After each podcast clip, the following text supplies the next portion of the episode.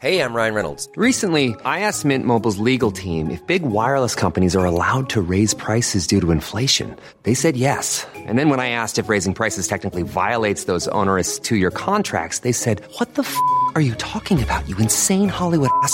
F- So to recap, we're cutting the price of Mint Unlimited from $30 a month to just $15 a month. Give it a try at mintmobile.com slash switch. $45 upfront for three months plus taxes and fees. Promo rate for new customers for limited time. Unlimited more than 40 gigabytes per month. Slows. Full terms at mintmobile.com.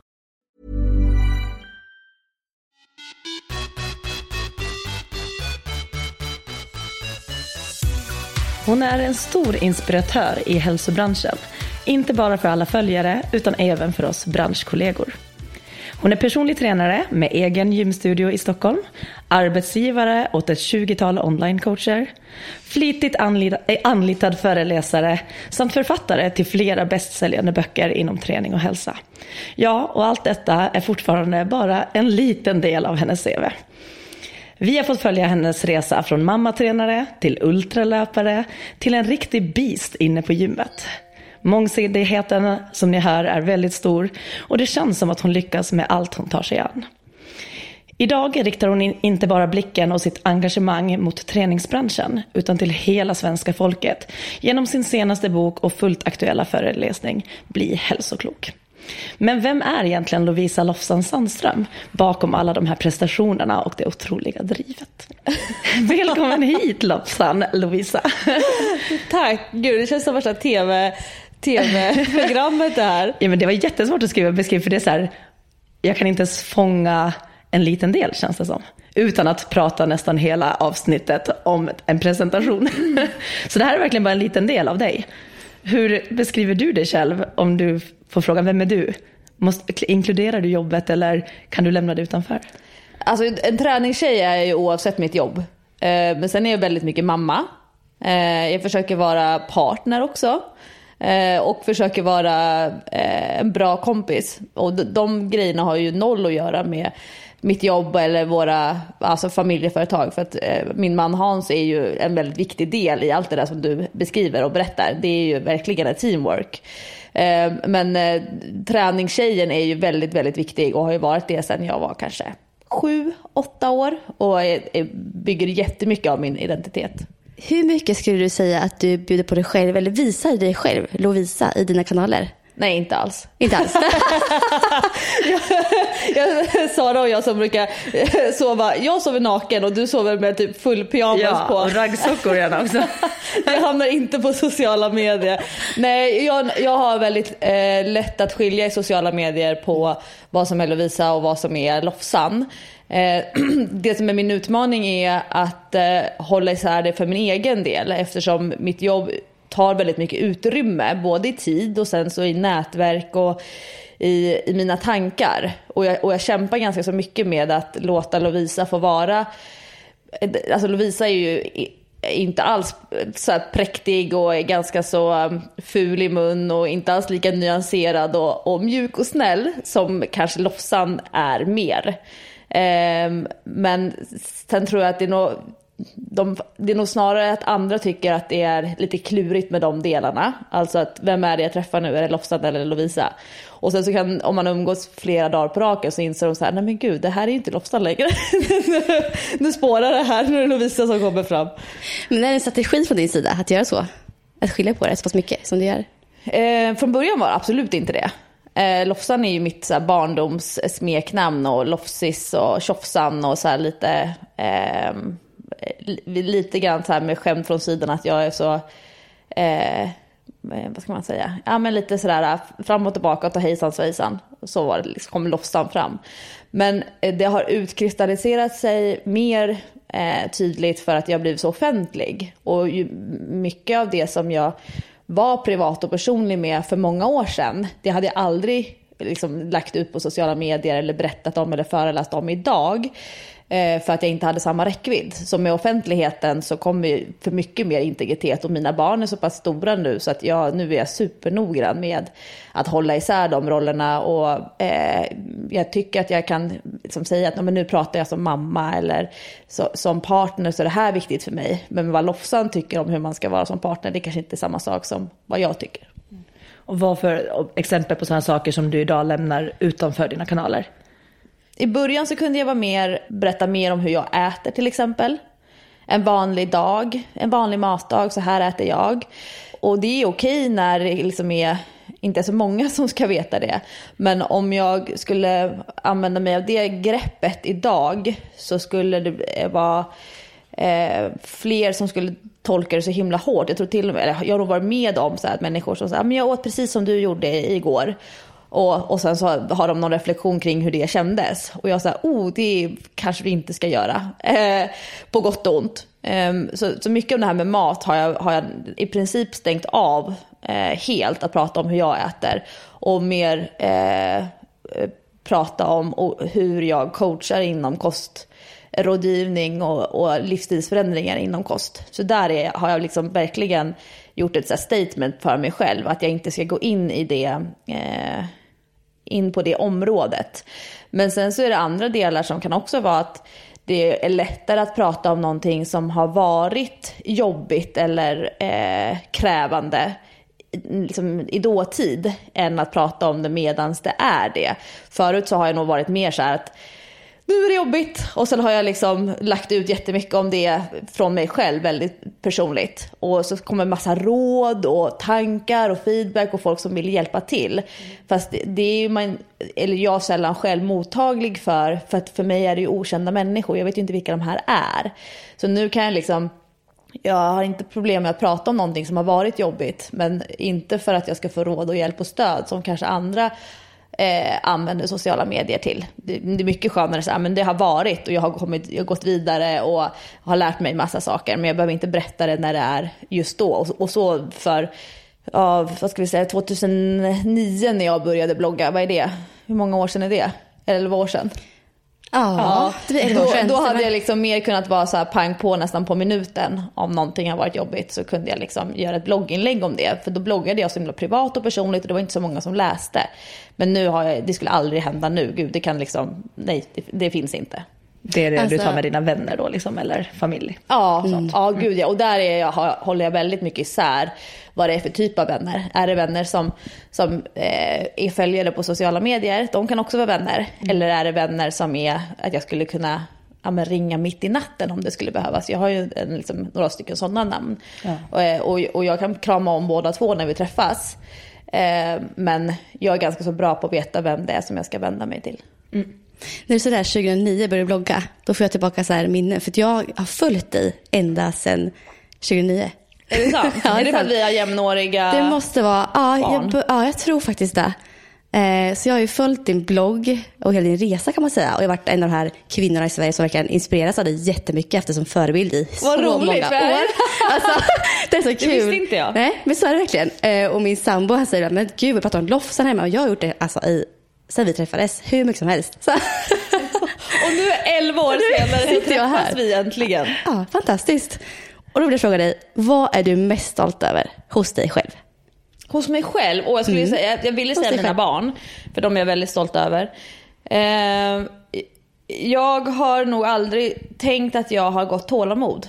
Eh, jag har alltid varit så här, som hoppat mycket mellan olika saker och börjat om med nytt på måndagar och eh, har någonting inte varit roligt så har jag ganska så snabbt gått vidare. Men nu när jag blickar tillbaka och har blivit lite äldre och visare och klokare och fått hjälp att sortera mycket av mina tankar och bedrifter om man ska säga, någon form av CV, eh, så är jag jättestolt över att jag har tränat upp mitt tålamod och min uthållighet.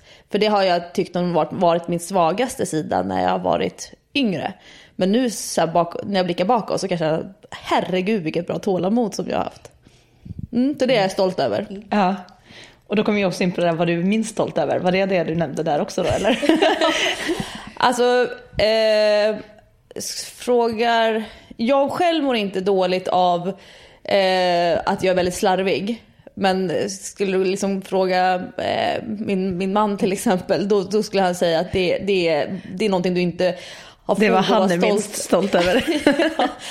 ja. men det har jag väl inte fog över att vara stolt över. Alltså jag inte slarvig som att jag inte håller ordning på tider och dagar och, och arbetsuppgifter. Eh, tvärtom så är jag så här noggrann med listor och så. Men det är väl mer packa upp väskan. Jag och Sara var i Göteborg för några veckor sedan och det kanske tog en tio dagar innan den väskan är liksom upppackad. För då, är det då är det en särskild sporttopp som jag ska ha. Min favoritsport-bh. Jag bara, gud vad kan den vara någonstans? Så började jag gå och leta, titta tvättkorgen, titta liksom tvätthögen och bara nej.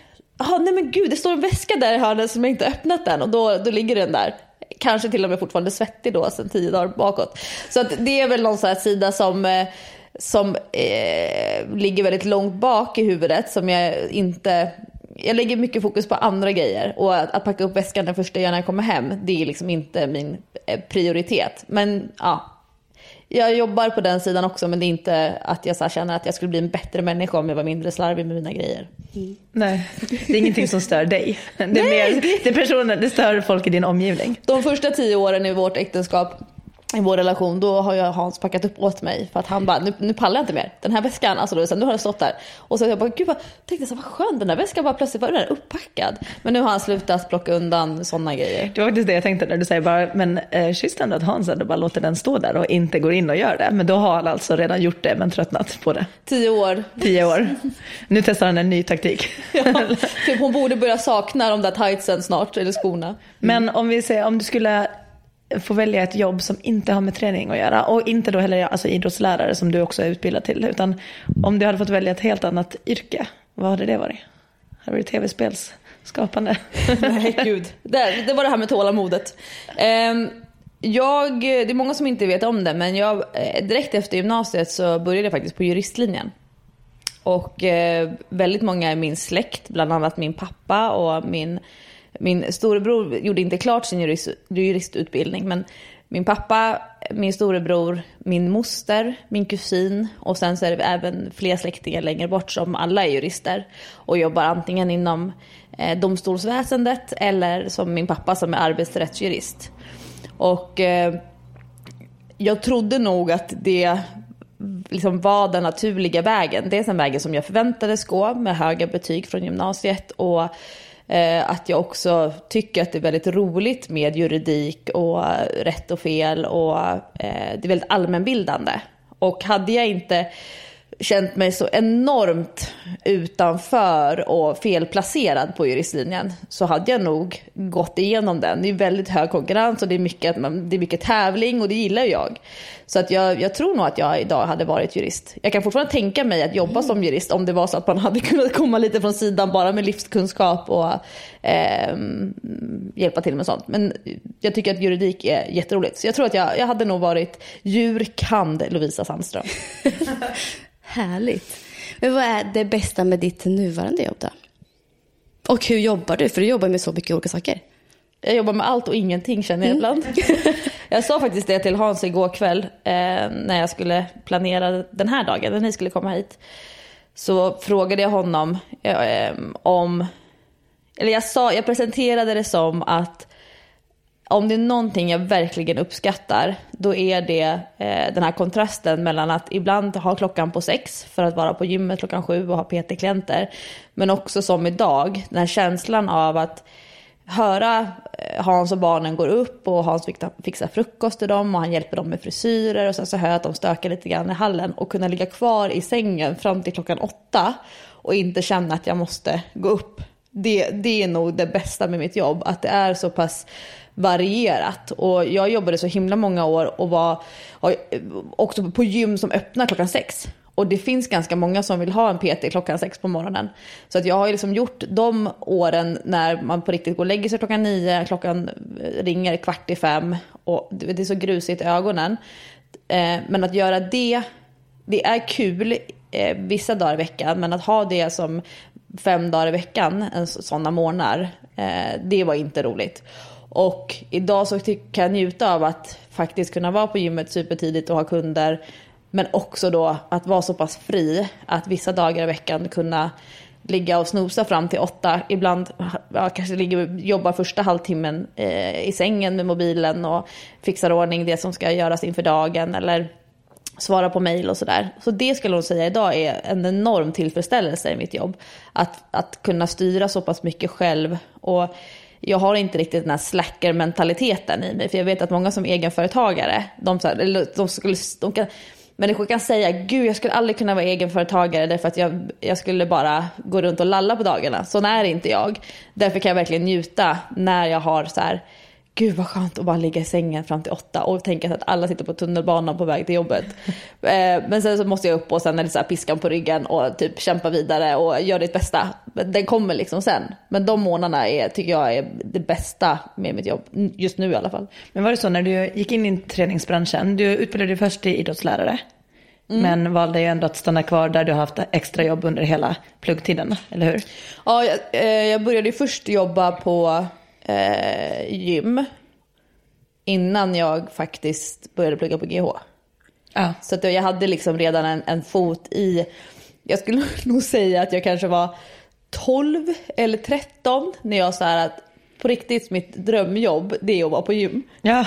alltså, och så här, reception på den tiden när alla receptioner hade pikétröja. Jag bara, åh gud det, här, det där ser så roligt ut.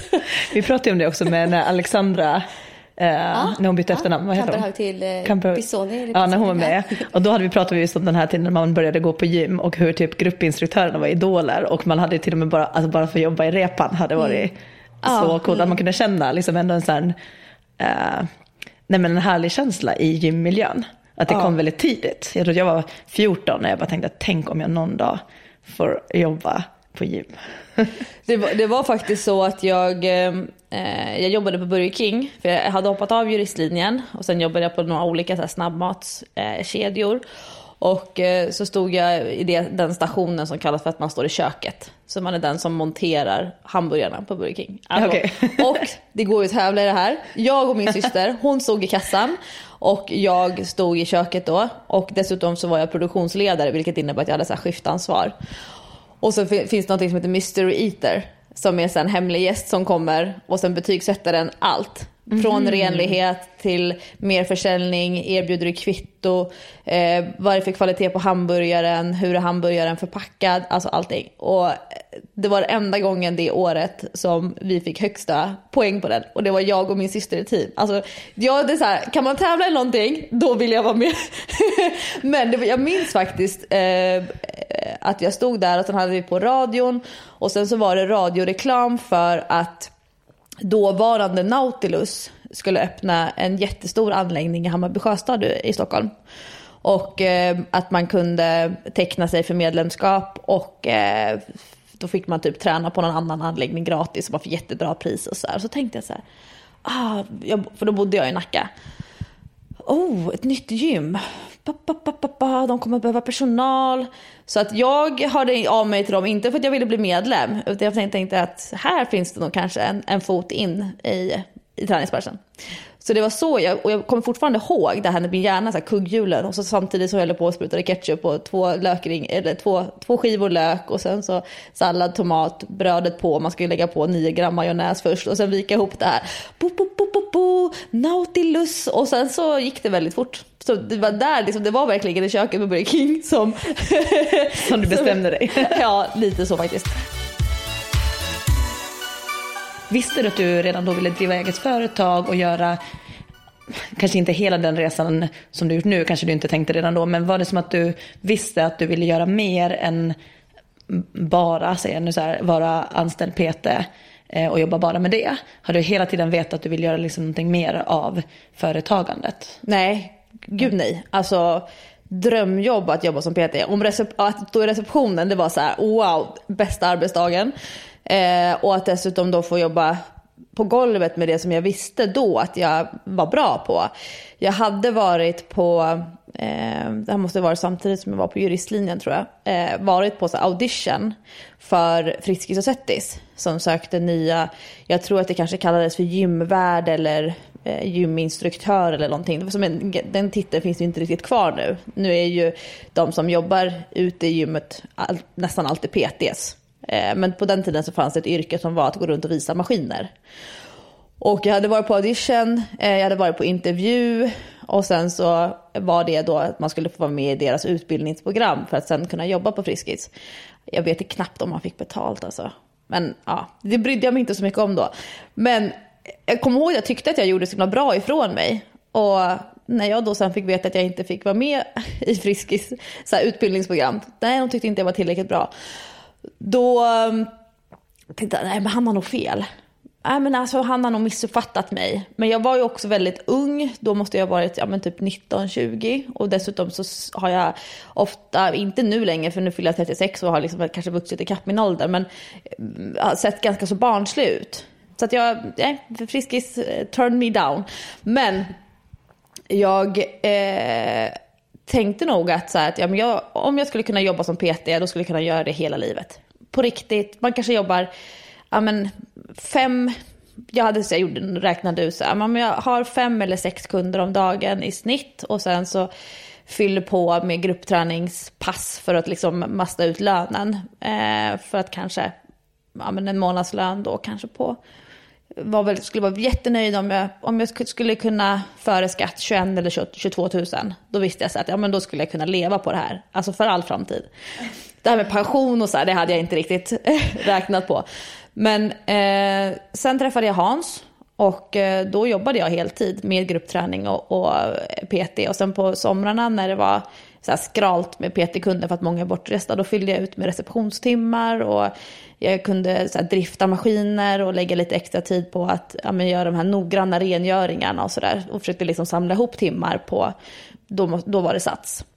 Och sen så en av de första frågorna när Hans och jag träffades, då var vi inte ett par. Det var liksom, men vad har du för vad har du för mål? Vad har du för plan? Vad, liksom, vad, vad är du om fem år? Och jag så här, ja, nej, men det är väl typ som att det är som det är nu. Och då blev han lite så provocerad. Bara, nej men Lovisa, hallå, ser du inte din potential? Och det hade jag inte gjort. Jag hade inte sett min potential. Eh, jag började leka med tanken då liksom med stöd. Det kändes nästan som att Hans karriärcoachade mig lite grann. Så att jag ja, men, kunde leka lite med tanken på att det skulle vara jätteroligt att jobba med utbildning. Jag skulle jättegärna jobba med lite mer produktutveckling eh, av ja, men tjänster inom träningsbranschen. Kanske så här gruppträningskoncept och sådär, PT-koncept. Men eh, det var ju fortfarande så här, ja men det är bara lite så här, lite grann utöver mitt vanliga PT-jobb. Och det är PT-jobbet som jag fortfarande älskar så mycket och det är därför jag håller fast i mina PT-klienter. Jag har väl ungefär kanske 8-10 timmar i veckan som jag är med så one-to-one coachning för att jag fortfarande så här många år senare tycker att det är jätte, jätteroligt. Så att eh, jag tänkte nog att ja, men på golvet och bara få liksom jobba med det, liksom det riktiga praktiska hantverket kring personlig träning och också det som då, om vi tänker att det här kanske är 2004, det var inte lika vanligt då att personliga tränare också körde gruppträningspass. Utan det var två olika typer av yrken. Så antingen var man gruppträningsinstruktör och då hade man ett annat heltidsjobb. Och man jobbade som lärare eller man sjuksköterska eller man var ekonom eller någonting. Och sen så gick man till, till gymmet och höll ett eller två spinningpass i veckan. Så att svaret på din fråga, jag har alltid tänkt att det är på golvet jag vill vara. Jag vill vara ute i gymmet. Men arbetsmiljön på ett klassiskt stort gym är inte riktigt hållbar om man tänker sig att man ska jobba 40-45 år. Nej. Så att nu är jag glad över att jag har balansen och kan liksom väga upp mycket föreläsningar. Jag tycker det är jätteroligt att vara ute på företag. Jag tycker det är jätteroligt att jobba med online coachning och när jag bestämde mig för att jag skulle starta min träningsapp Majst. Alltså det är superroligt att sitta och göra träningsprogram för och tänka så här, men om det är ett program och det är liksom 1500 personer som ska följa programmet. Hur behöver det vara formulerat? Vad är det jag ska trycka på? Hur nyanserar jag? Vad ska det vara på för nivå? Och det får ju en PT aldrig jobba med. Så att jag tycker att den här mixen är jättebra. Mm. Mm. Men vad är, skulle du säga största anledningen till att du har lyckats så pass bra i branschen som du har gjort? Det finns ett väldigt stort driv hör man ju i dig när du pratar om det här. Ja men det är nog för att jag är på rätt plats. Ja. Eh, alltså att eh, jag känner verkligen att jag är på helt rätt plats i livet. Det finns ingen annanstans som jag skulle vilja vara eller kan känna att jag skulle göra ett bättre jobb. Den, den snabba svenska eh, unga kvinnan-svaret är ju såklart tur. Alltså, jag har haft sån tur. Träffat rätt person Jag sa talang förut till dig, då sa du ja. ja, vi har jobbat hårt. Alltså så här, det är mer att du har jobbat hårt kanske och drivet i dig. Ja, för att nu kanske till och med Hans som sitter och lyssnar kanske lite grann här ute i ett annat rum. Men han kan ju nästan bli provocerad när människor pratar om tur. Mm. Och när, när, när man vet från sidan att det är, alltså att det är jättemycket hårt arbete. Eh, för mig så har nog eh, alltså nätverk har varit avgörande skulle jag säga. För det går inte att göra den resan som jag som person har gjort själv det behöver finnas människor som tror enormt mycket på det. Idag så, ja som du Sara, du pratar om att vi är så himla många coacher. Mm. Och dels så blir jag glad när människor vill eh, jobba med mig och jobba under mina varumärken. Men det också, måste också finnas någonting tillbaka, att det finns en ekonomisk modell bakom som faktiskt håller så att, så att man vågar satsa. Och eh, den bakgrunden har ju inte jag jag kunde ingenting om företagsekonomi och affärsmodeller och eh, budgetering och bokföring och allt det. Men det ja, har ju, när Hans kanske, vad måste det vara, ja, men fem, sex år sedan, verkligen såg att Lovisa håller på och liksom nästan så drunkna i de här som är, inte är träning, men som är avgörande för att, att lyckas eh, att driva företag. Eh, där han då bestämde sig för att släppa hela sin bransch alltså, han, han är, är, utbildad lärare i flera ämnen och dessutom eh, utbildad rektor och har jobbat som rektor i många år och startat skolor och jobbat på Apples utbildningsbolag eh, och jättestark tung profil inom eh, utvecklingsväsendet och skolbranschen, utbildningssektorn. Och där han så här bestämmer sig för att nej men jag lämnar hela det, den delen och bygger upp sin egen yrkesidentitet i träningsbranschen med den kompetensen som han kommer in med. Och det, det, som, det har varit liksom hela grundplattformen i att kunna växla upp på det sättet som, som jag och ja, men, de coacherna och konsulterna som jobbar i våra företag gör. För att vi är superduktiga på träning och coachning. Men det, det behöver finnas någon som har strukturer och rutinerna för mail, för att skriva avtal och också att, att våga eh, våga satsa. För det är det, det krävs ganska mycket mod. Så att tur tror jag snarare handlar om timing. Men det är modet som gör, för det är så många som går runt och drömmer och tänker. Men att det ofta faller på privatekonomin, att man inte har tryggheten.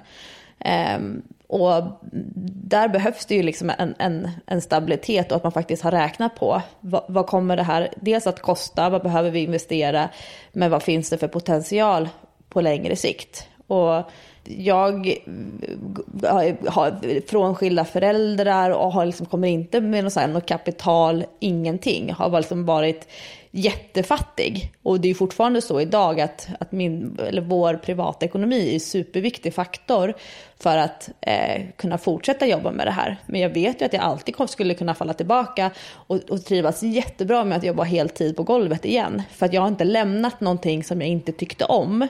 Jag har bara gjort mer av det som jag gillar också. Men hur är du, har du alltid så tydliga mål med, för det känns som att det är både med karriär, med träning och så där, har du alltid tydliga mål med vad det är du vill eller vart du är på väg? Nej, absolut inte. Nej. Nej, jag börjar göra först. Och sen så, så, känner jag efter om jag tycker att det är roligt. Och tycker att det är roligt och fortsätter jag lite till. Och sen så får jag märka resultat.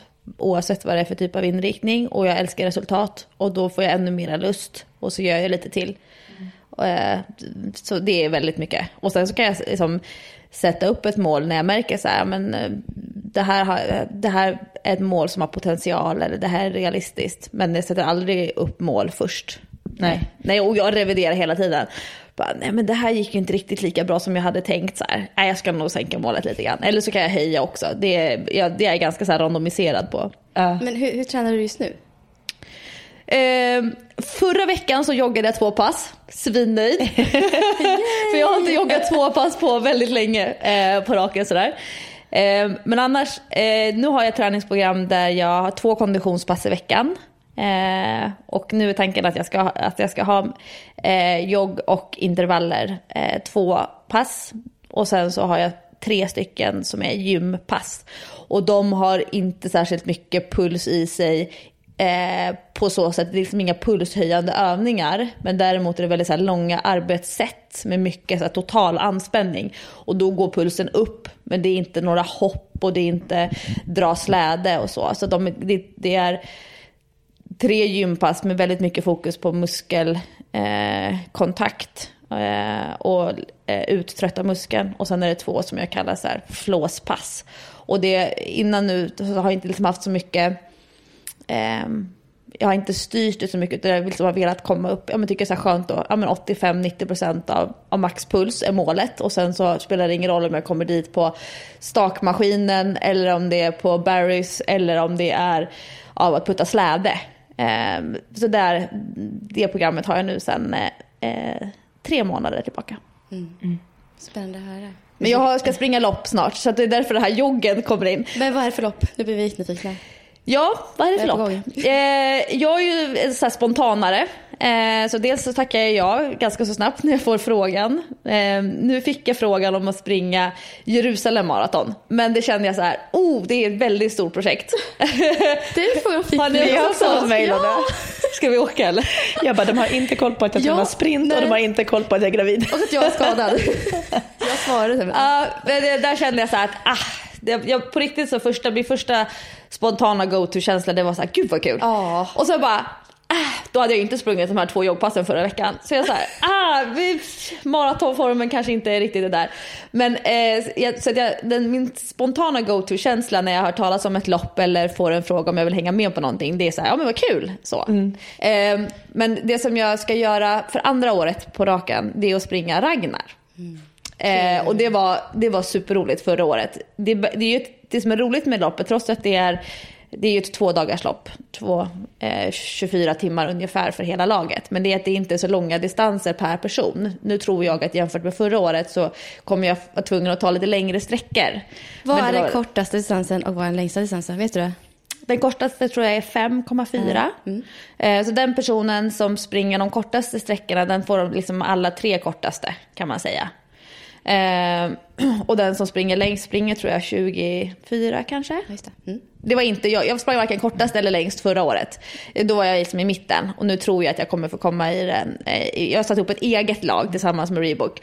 Och eh, några är som är riktigt bra triatleter och bra maratonform. Och de får de längsta sträckorna för de ser det som ett roligt ett, ja, men det blir så ett roligt dygn och det är väldigt bra för att få in en lite mastigare träningsvecka. Eh, Medan andra är så här, äh, kämpar med fem kilometer och tycker att det är kul att springa snabbt fem kilometer. Men det är just det här att du liksom nio timmar ska springa sju kilometer och sen så nio timmar ytterligare efter det.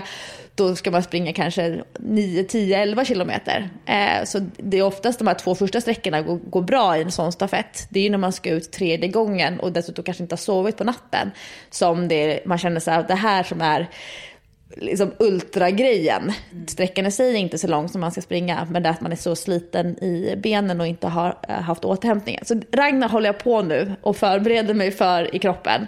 Ja, men det känns ändå som att du alltid är redo att springa. Även om du till och med går in en styrkeperiod så jag upplever ju att du skulle i stort sett imorgon kunna springa ett maraton, men också vara ganska snabb på sprint om jag kör ett sprintpass med dig. Så det känns som att din, din liksom löpförmåga på att både vara snabb och springa bra till det på, även på så här 5000 och sånt, den finns kvar samtidigt som du kan träna dig, nu säger jag ganska kort period till ett ultra.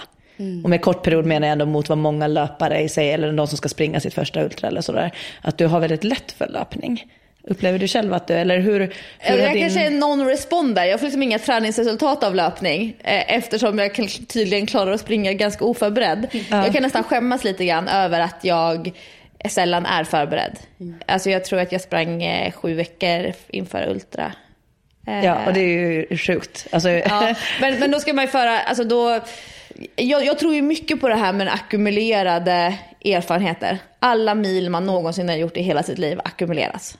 Och du kan, det kan man tillgodogöra sig eh, när som helst. Det, det tänker jag är viktigt. Men sen så, ja, så jag är ju inte så bra löpare. Alltså om man tänker sig att jag tävlar ju aldrig när jag springer lopp. Alltså det är inte så att jag ställer mig på startlinjen och tänker att det är en viss person jag ska slå eller eh, däremot så kan jag tävla mot mig själv men inte så här att ja, men nu ska jag springa snabbare än vad jag gjorde på det här loppet förra året utan mer så här nu, jag kan hitta på så här, det finns alltid, man kan alltid vända och vrida så att man kan få tävla. Så eh, när jag skulle springa där, Ultravasan, vilket ju var en väldigt märklig dag, eh, då tänkte jag så här att, ja men vad är det bästa sättet att förbereda sig för det här? Ja men det är klart att springa tre gånger i veckan och öka på långpasset, det är ju det bästa. Liksom så i alla fall komma upp till att man har gjort en, en eh, fem, sex mil några gånger. Det har jag inte tålamod till. Så då tänkte jag så här, ja, men springa lopp är roligt. Eh, Stockholm Marathon älskar jag. Dessutom så gillar jag den nya banan där man bara springer ett enda långt varv. Så då tänkte jag så här, ja men det är 42 kilometer och det vet jag att jag kan. Ja men 42 och sen så är det 5 kilometer hemifrån mig till starten. Och sen är det 5 kilometer tillbaka också. Och då kan jag välja att antingen åka svettig tunnelbana och känna lite stress och behöva gå långa perioder. Eller ska jag cykla dit, men det är jobbigt att cykla hem också. Det blir så stel och man kanske har så här skavsår. Så då tänkte jag att ja, men 5 plus 42 plus 5, ja, men då är jag ändå uppe på 52 kilometer. Då har jag sprungit mer än halva Ultravasan. Så det gjorde jag. Men då kan jag inte tävla när jag springer maratonet. Nej. Men jag visste, när jag stod på startlinjen, jag är den som kommer springa längst idag. Av alla de här 22 000 som står på startlinjen eller vad det nu var, jag springer längst. Man hittar sina fighter. Jag behöver, inte, jag behöver inte berätta det för någon, men jag vet. Ja. Jag vet att jag vet. Och då det är väldigt roligt att hitta på sådana kluriga grejer. Jag skulle inte kunna springa 52 kilometer en lördag ute i Roslagen där vi är på, på somrarna. Bara för att jag ska samla ihop massa minuter. Nej. Men då tycker jag det är jättekul. Och så fick jag liksom ha en nummerlapp och sen så tycker ju folk att man är helt crazy för då tog jag, jag var tvungen att byta kläder. Eh, det hade varit väldigt varmt och jag vet att så ja, men, så med salter och, att kläder hade börjat så stelna lite grann efter, efter morgonen. Så jag tog på mig min finishertröja. Och då, eh, har man sprungit Stockholm Marathon så vet man att när man ska sen ta sig därifrån in mot stan, man ska vidare och man ska bo på hotell eller någonting, så sitter ju väldigt många när det är fint väder på uteserveringar. Och så sitter de här som har sprungit loppet, de sitter i sina finishertröjor och, och, och dricker öl. Och jag så här, kom liksom trippandes förbi min långsamma jogging och de typ så här, verkligen, först så här, va? Så tittade jag, har hon finishertröja på sig? Och jag så här, möter deras blick och så här, höjer handen till en liten så här vinkning och bara, hej hej. Är du helt från vettet? men det var roligt också att, det, att, det, att springa ett maraton och tänka sig, ja men det här är ju typ 20, jag ska springa liksom 20 procent till. Jag behöver mm. inte stressa över att eh, eh, pricka rätt tempo liksom. Mm. Utan tänka så här, ja men jag ska vara ute jädra många timmar idag. Så ja, det, och det kan jag faktiskt rekommendera mm. för just Ultravasan. Att ta ett riktigt lopp och, och lägga till lite innan och lite efter för att få känna på den här riktigt långa grejen. Um, för det är också viktigt, en viktig erfarenhet mentalt. Att visst, maraton är ju fruktansvärt.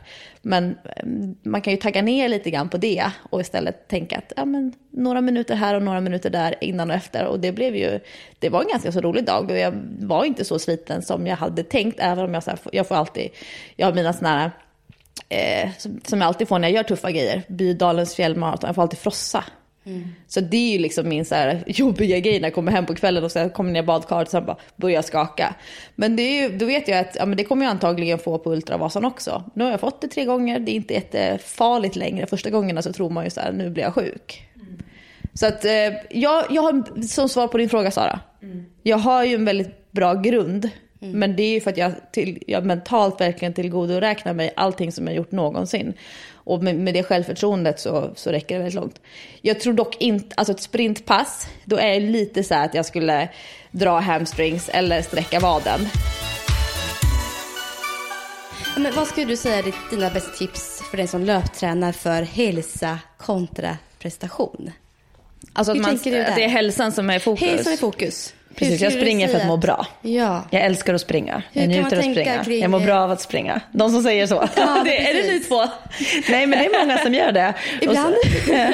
Så, jag kan säga om jag, om jag springer distanspass då är det helt, helt bara för liksom hälsa frisk luft, lufsa. Så, här. så då ska jag säga att jag springer distans i så fall enbart för hälsa och att det är skönt eller må bra. Mm. Ingen prestation.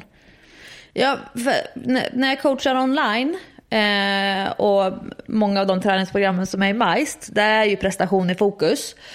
Eh, och där så är det rätt att känna sig trött. Syftet är att pressa sig, att eh, ibland få mjölksyra, att det ska svida i luftrören och man ska känna att det här är på gränsen. Ibland till och med så ska man falla över och, och vara tvungen liksom att man ska springa så snabbt som man känner att ah, nu, nu orkar jag inte längre. Och det är en viktig del av utvecklingsprocessen för att öka sin prestation i konditionsträning eller beroende på hur man mäter. Men de klienter som jag coachar live, de som jag liksom, när jag går till gymmet och är PT, de har noll intresse i det. De vill inte känna mjölksyra, de vill inte bli tunga i benen. De, de vill konditionsträna för att känna sig duktiga. De vill konditionsträna för att de vill känna Eh, man har den här lite gamla känslan som eh, kanske vi har slagit hål på den myten, men just det här med att, att konditionsträning är viktigt för förbränningen, att man bränner fett och liknande. Och det är så ett, ett, enkelt knep för att få fram den känslan hos klienten. Det är att liksom sätta den på löpbandet och sen så trycka på.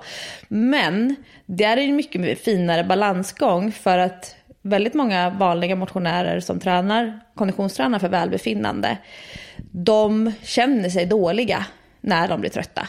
De, det, det är som ett tillkortakommande och, eh, och lägger väldigt mycket värdering i det.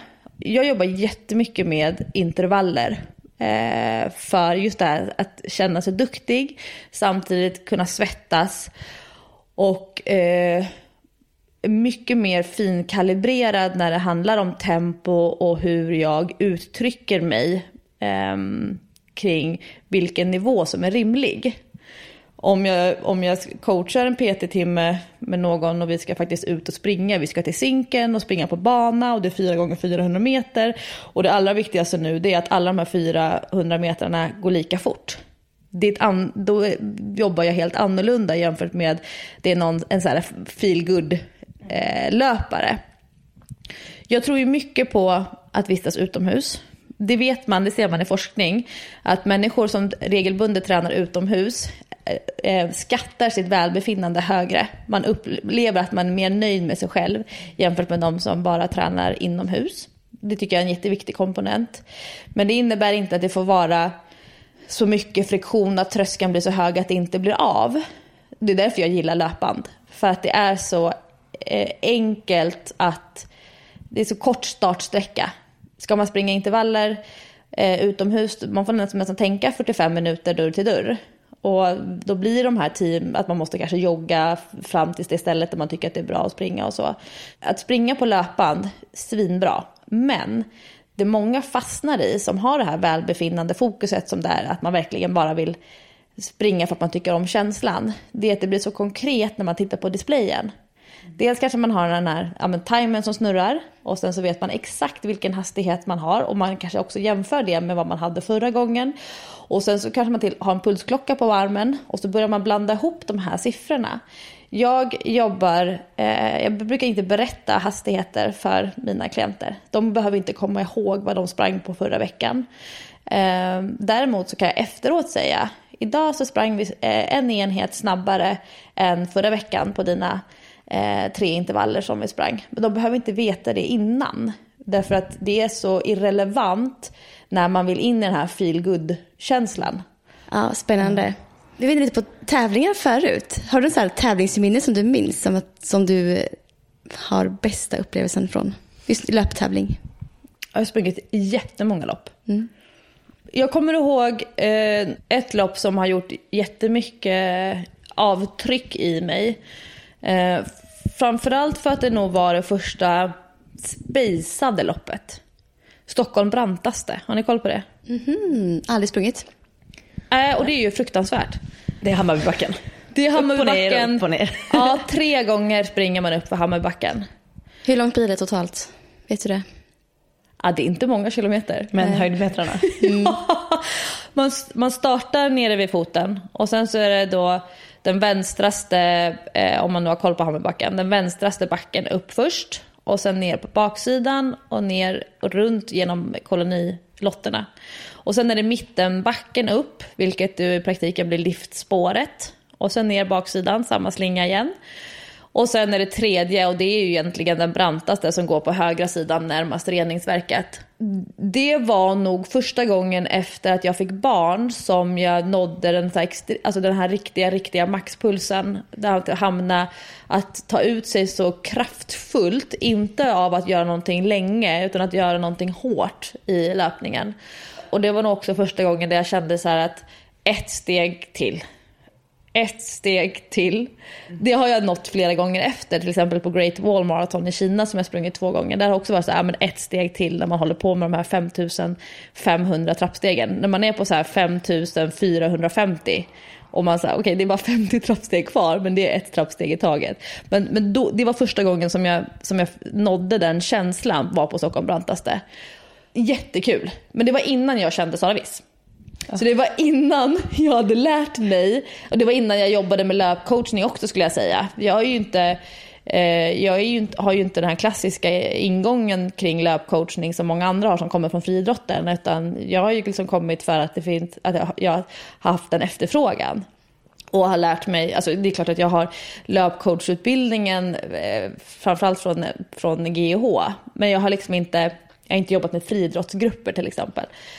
Men Sara har ju lärt mig väldigt mycket kring just det här med pacing. Och pacing i det är en sak att, att tänka så här, men nu ska jag springa fem kilometer och det är smart att varje kilometer går ungefär lika snabbt. Men när man ska springa upp för Hammarbybacken och som jag, när jag förberedde mig för, eh, jag har kört en del multisport. Och när man, då, Åre Extreme till exempel, då ska man springa upp för Åreskutan efter att man har paddlat jag tror att det är 18 kilometer och sen är det så lite forsar och så. Springa upp för Åreskutan, springa ner bakom och sen cykla några mil.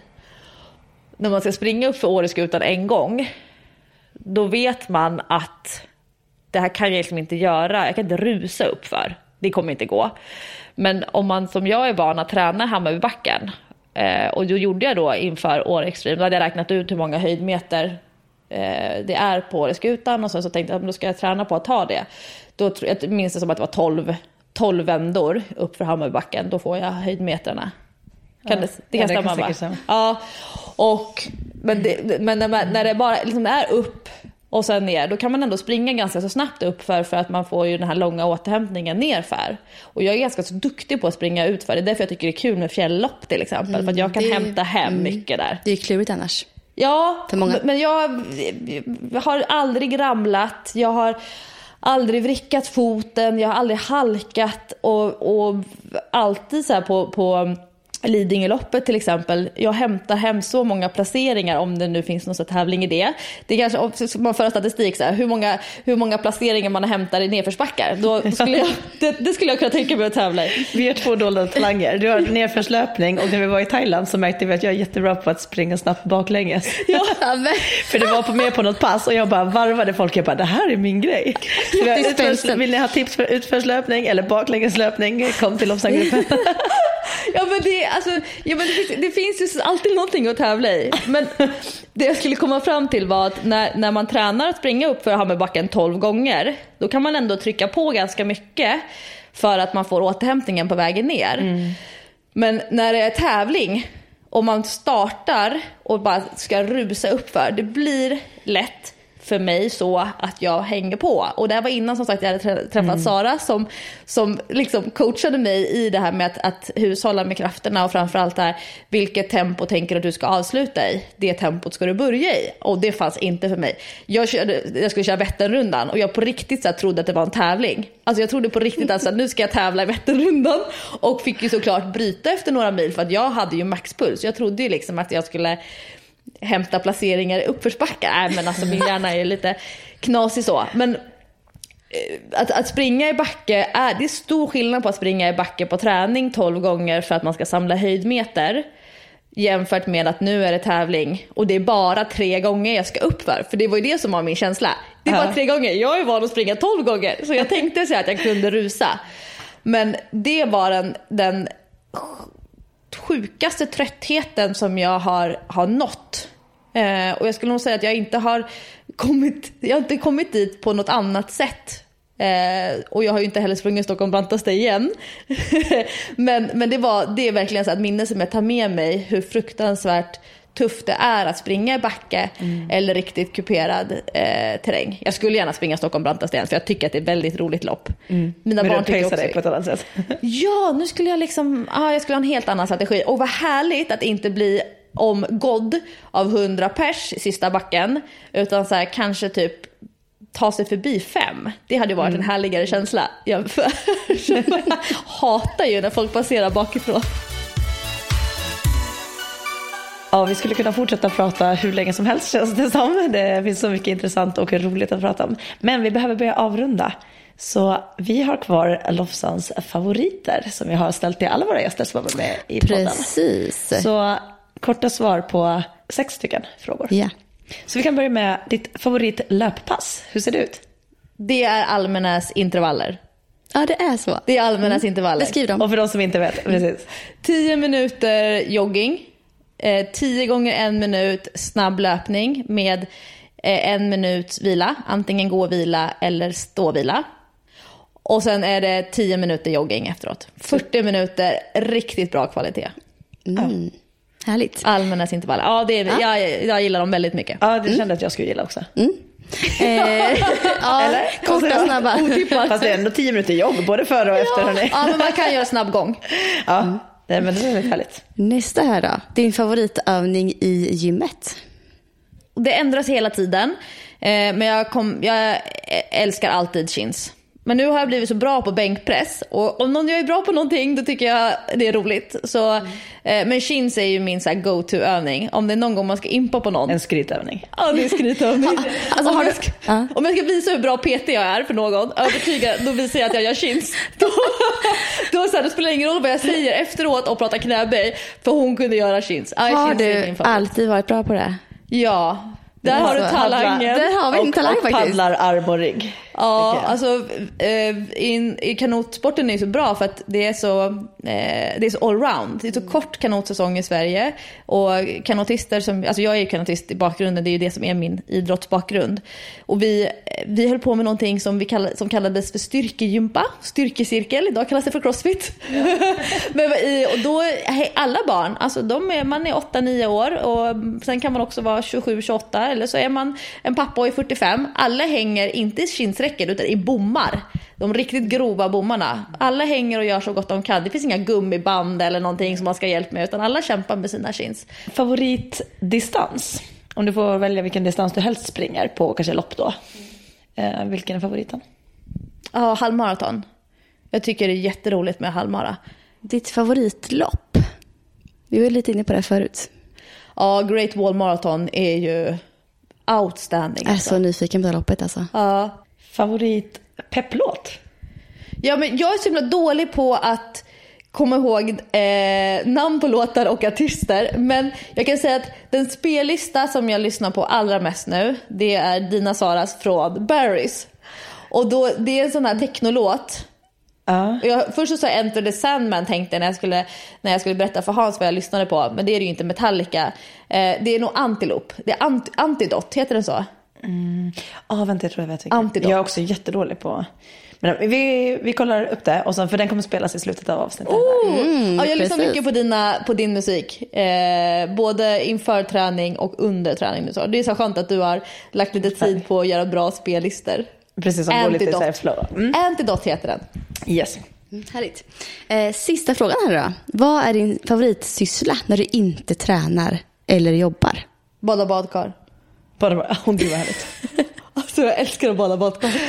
Gud härligt. Och mina barn har eh, ärvt det av mig. Så att vi är så här, det, är- det är hög konkurrens om badkaret här hemma. Kom, alltså om var jag än ska leva resten av mitt liv så ska jag alltid ha ett badkar. Nej, men du Lofsan, vi är så glada över att vi har fått vara här hos dig idag. För vi är hemma hos Lofsan, det har vi inte sagt. Eh, Lovisa, vad ska jag säga? Lovisa, eller Lofsan, vad kallas du helst för? Privat? Lovisa? Lovisa, Ja. och, om min man är arg på mig, han vill prata allvar med mig, så säger han Hörru du Lofsan. Då vet han alltså, jag bara åh, åh nu är det fara och färde här. eh, men men eh, jag tänker nog du är en sån som skulle säga Lovisa till mig. Ja. Jag lystrar ju till båda, jag vet ju vem de menar. Men mitt svar, det kommer ju vara beroende på om menar du Lovisa eller menar du Lofsan. Det är lite sådär, vad, vad är det du vill veta om mig? Jag ser, jag ser Lovisa när jag pratar till dig och Lofsan om jag pratar om dig. För att annars blir ja, det som att folk... det. Så att det liksom, eh, börjar jag prata om Lovisa till folk så är det som att de inte... Men direkt jag säger Lofsan så vet de ju. Jag har alltid varit den enda Lovisa. Jag har, eh, hade inte klasskamrater som hette Lovisa eller kompisar. Men nu har det liksom mina cirklar så slutits så att jag har ganska många kompisar som heter Lovisa. Och då får jag heta Lofsan för att det Ja. inte ska bli missförstånd. Och det är okej. Men mina föräldrar skulle ju aldrig säga Lovisa. Eller Lofsan, Lofsan. förlåt. det, men mina kompisar, de som kom på Lofsan, eller Lofsis, Tjofsis. De måste vara lite stolta. Ja det är de. De tycker att de ska få royalty på det här. Lofsan är ändå ett registrerat varumärke idag. Eh, men de, de tycker också att eh, de, tycker också, skakar på huvudet lite grann och tycker att det är jävligt fjantigt. men det är väl fram tills att jag säger att de ska fakturera.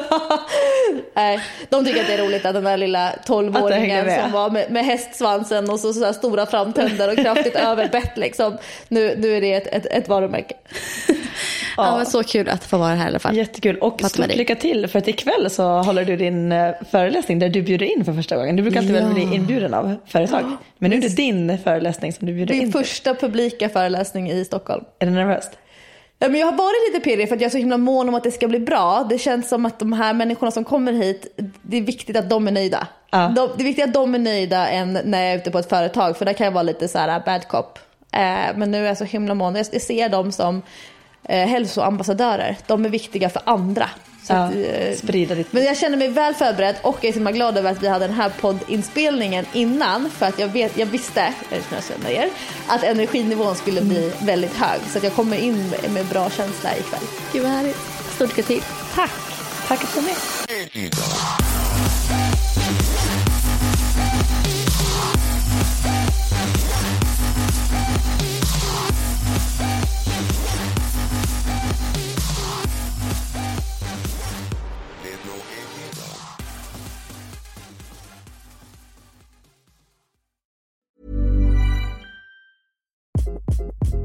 Hi, this is Craig Robinson from Ways to Win, and support for this podcast comes from Invesco QQQ, the official ETF of the NCAA. Invesco QQQ is proud to sponsor this episode and even prouder to provide access to innovation for the last 25 years. Basketball has had innovations over the years too. We're seeing the game played in new ways every day. Learn more at Invesco.com slash QQQ. Let's rethink possibility. Invesco Distributors, Inc.